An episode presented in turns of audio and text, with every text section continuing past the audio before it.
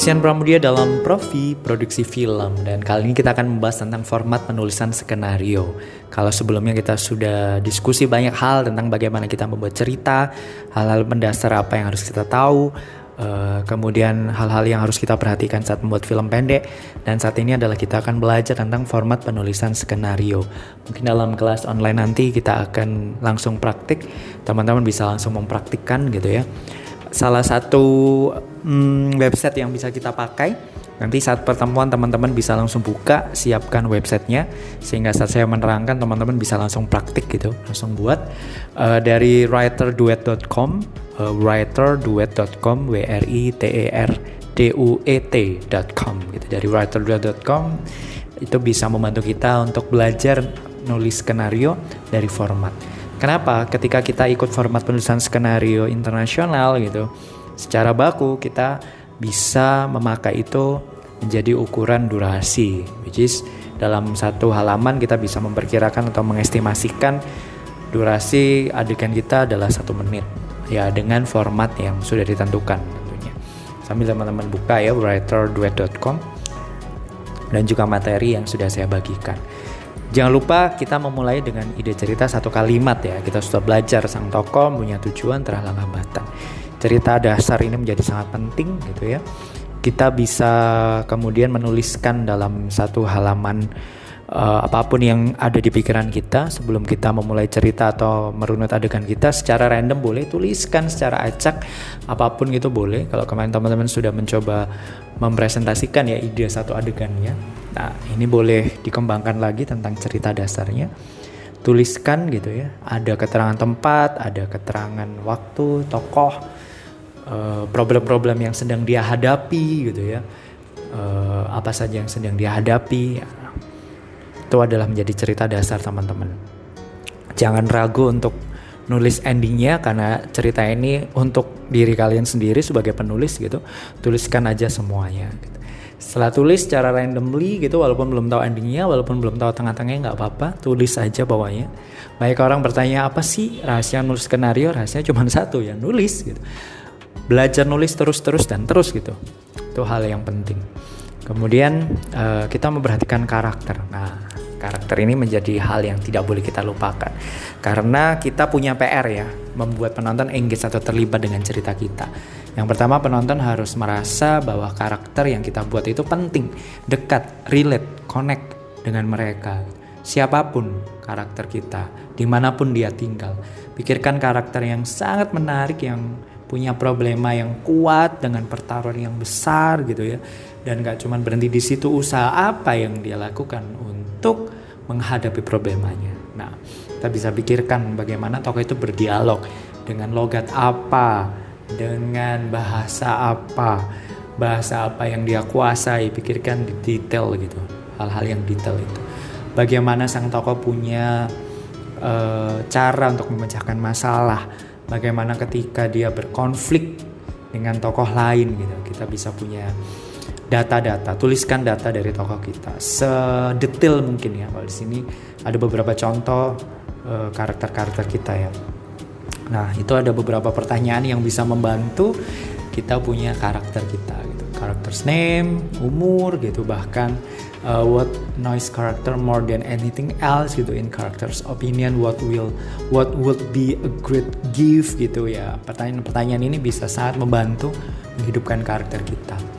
Setelah itu kita baru tentukan lokasi, tempat kejadian gitu dan menentukan plot kita bisa memulai dengan tiga babak. Kita sudah belajar ya unsur-unsur film ya, aspek naratif dan cara membuat plot gitu. Saya berharap teman-teman sudah punya coret-coretannya. Kalau kalian memilih tiga babak ya boleh. Ada setup, ada confrontation, dan ada resolution. Oke, kita langsung praktik. Yang pertama, setelah kita buat sinopsis, setelah kita buat cerita kasar, kita punya plot ya.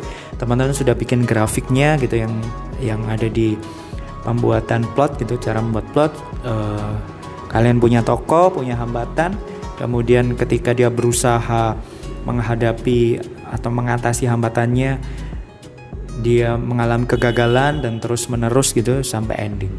Nah, itu bisa menjadi modal dasar kita kita punya sebuah plot. Berikutnya kita mesti mengconvert menerjemahkan plot kita menjadi sebuah outline. Nah, outline itu apa? Urutan adegan lebih rinci. Nah, kalau sebelumnya kita sudah punya the randomly, kita punya uh, catatan yang random. Nah, sekarang saatnya kita mengurutkan menjadi sebuah outline. Di sini ada contohnya. Urutannya apa aja? Satu, dua, tiga, gitu adegan satu. Tulis aja, tulis aja. Without dialog ya, tanpa dialog dulu. Tulis aja, tulis aja. Oke. Setelah tulis semua outline-nya, nah kita akan masuk dalam format penulisan skenario. Outline ini menjadi sangat penting untuk uh, panduan kita menulis naskah. Dan kalau dalam sebuah tim gitu ya ketika kita sudah punya outline kita bisa diskusikan dan semua sudah lock baru kita masuk ke penulisan skenario. Oke teman-teman bisa buka writerduet.com nya sambil praktik juga. Yang pertama harus kita lakukan adalah kita menuliskan judul scene gitu ya. Judul scene itu ada interior jika di dalam eksterior di luar. Kita boleh singkat juga gitu ya. Judul scene ini dari pertama dalam penulisan skenario kita langsung jadi tahu gitu ya. Oke jadi uh, scene ini kejadiannya di mana? Di dalam kamar di teras rumah gitu. Gambarannya apa? Kalau uh, lokasi itu ada atapnya itu interior. Kalau nggak ada atapnya eksterior. Paling gampang gitu kalau kelihatan langit itu udah eksterior. Walaupun misalnya di dalam rumah. Tapi ya semua bergantung ke keputusan masing-masing penulis ya. Kalau misalkan di dalam rumah teman-teman tetap nulis uh, home gitu. Misalkan uh, rumah Adi teras gitu. Itu boleh diberi keterangan gitu boleh. Oke, kita mulai dengan interior eksterior kemudian uh, masih di judul scene ya. Oke kita masih bahas judul scene. Kemudian uh, kita tentukan lokasinya di mana interior rumah Adi Nah, kemudian apa? Malam, pagi, siang, evening gitu. Itu kita bisa tulis. Um, kalau dalam bahasa Indonesia kita boleh pakai pagi, siang, sore, malam boleh. Tapi kalau teman-teman mau bahasa Inggris juga boleh day atau night. Atau mau detail event evening misalnya itu berkaitan dengan uh, emosi tertentu yang dicapai gitu kan kan beda ya kalau misalkan senja itu suasananya beda atau malam beda atau pagi-pagi buta itu kan beda nah bergantung kebutuhan. Tapi kalau mau nulis day atau n atau day or night boleh. Gambarannya selama ada matahari itu day. Kalau matahari udah nggak ada itu night. Paling gampang. Oke. Dari judul scene teman-teman setelah nulis, kemudian teman-teman tentukan deskripsi visual ya. Uh, kalau di writer duet tadi judul scene gitu, uh, teman-teman bisa klik scene di sebelah kiri. Nah, deskripsi visual ini teman-teman bisa klik action. Deskripsi visual ini menjelaskan tentang suasana tempat kejadian, peristiwa apa yang terjadi. Misalkan interior rumah Adi day atau pagi atau morning gitu ya. Pak uh, Adi baru saja keluar dari kamar mandi. Dia lalu mengambil tasnya dan segera keluar kamar. Nah, itu deskripsi visual. Ingat um, naskah skenario kita bukan novel gitu, jadi pakailah bahasa-bahasa yang dimengerti karena naskah skenario kita ini adalah blueprint atau sebagai pedoman petunjuk untuk syuting film. Karena itu nggak perlu pakai bahasa uh, puisi gitu, bahasa-bahasa yang sastra nggak perlu, bahasa-bahasa yang mudah dimengerti gitu ya. Setelah deskripsi visual atau action uh, kita bisa buat uh, karakter kita atau tokoh kita gitu ya. Tokoh kita yang sedang berdialog. Nah, kalau di writerduet.com uh, kita bisa klik karakter. Kalau di kalau memakai ini kan mudah ya formatnya langsung kelihatan. Nah, kalau deskripsi visual tadi uh, rata kiri dan eh sorry kalau tadi ada yang kelewatan maaf. Kalau judul scene atau kepala scene atau scene itu harus huruf besar semua. Nah, kalau deskripsi visual tidak perlu huruf besar, tetap huruf normal, huruf, norm, uh, huruf biasa sesuai kaidah gitu yang perlu huruf besar, huruf besar gitu. Nah, kemudian itu tempat penempatannya di rata kiri. Nah, kalau tokoh itu biasanya agak tengah.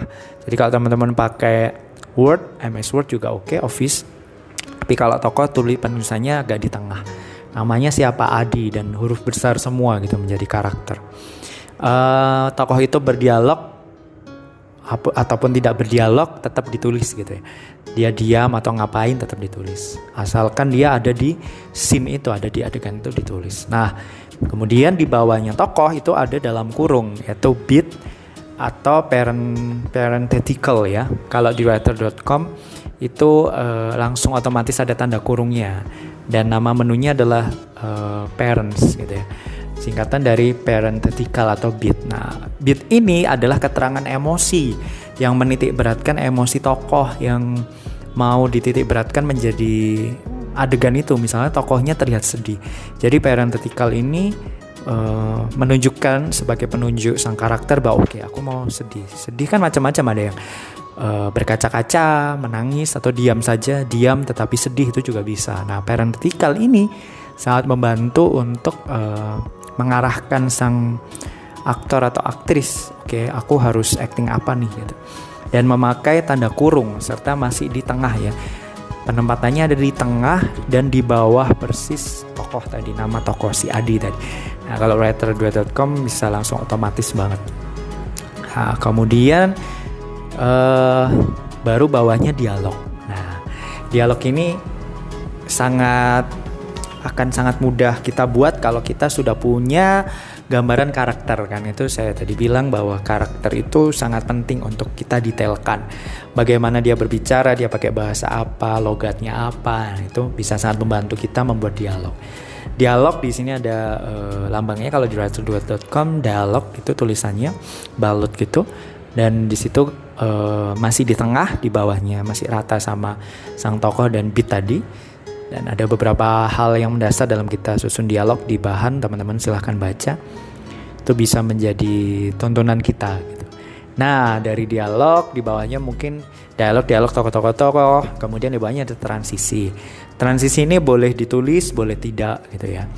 Uh, tapi kalau teman mau tulis boleh. Tapi jangan sampai itu menjadi hal yang fokus gitu uh, itu nanti saja jangan memberatkan kita. Jadi uh, transisi ini adalah transisi-transisi yang standar aja yang bisa menampakkan. Misalkan ganti hari teman-teman memakai fade to black gitu atau fade out gitu ya. Boleh. Di writer.com sudah ada menunya transis transition itu di rata kanan ya. Letaknya di kanan. Cut to fade out fade in dissolve dan sebagainya. Itu transisi gitu. Nah itu adalah aturan-aturan baku kalau teman-teman mau manual boleh pakai MS Word, pakai aplikasi lain juga boleh. Ada banyak beberapa aplikasi yang bisa teman-teman pakai.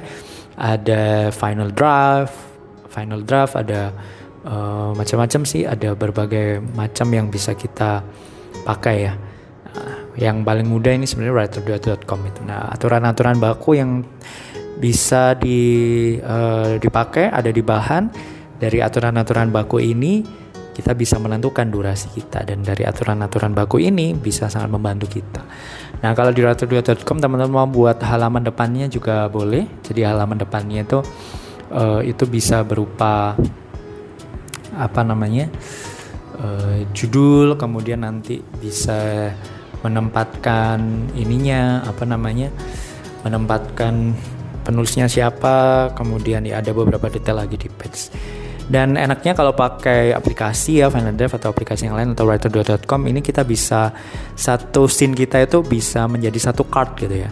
Dan kita bisa bolak-balik gitu. Nah, scene satu, scene dua gitu. Jadi kalau di iFish kan kita harus copy paste atau cut to terus di paste gitu ya. Kalau di sini kita tinggal bolak-balik lah, scene-nya bisa ganti-ganti. Misalkan misalkan nanti teman-teman sudah buat gitu, ah ini kok nggak enak ya. Ini aku taruh di ending aja deh. Atau oh, aku endingnya aku taruh di depan deh gitu. Itu boleh ya. Itu bisa sangat membantu kita.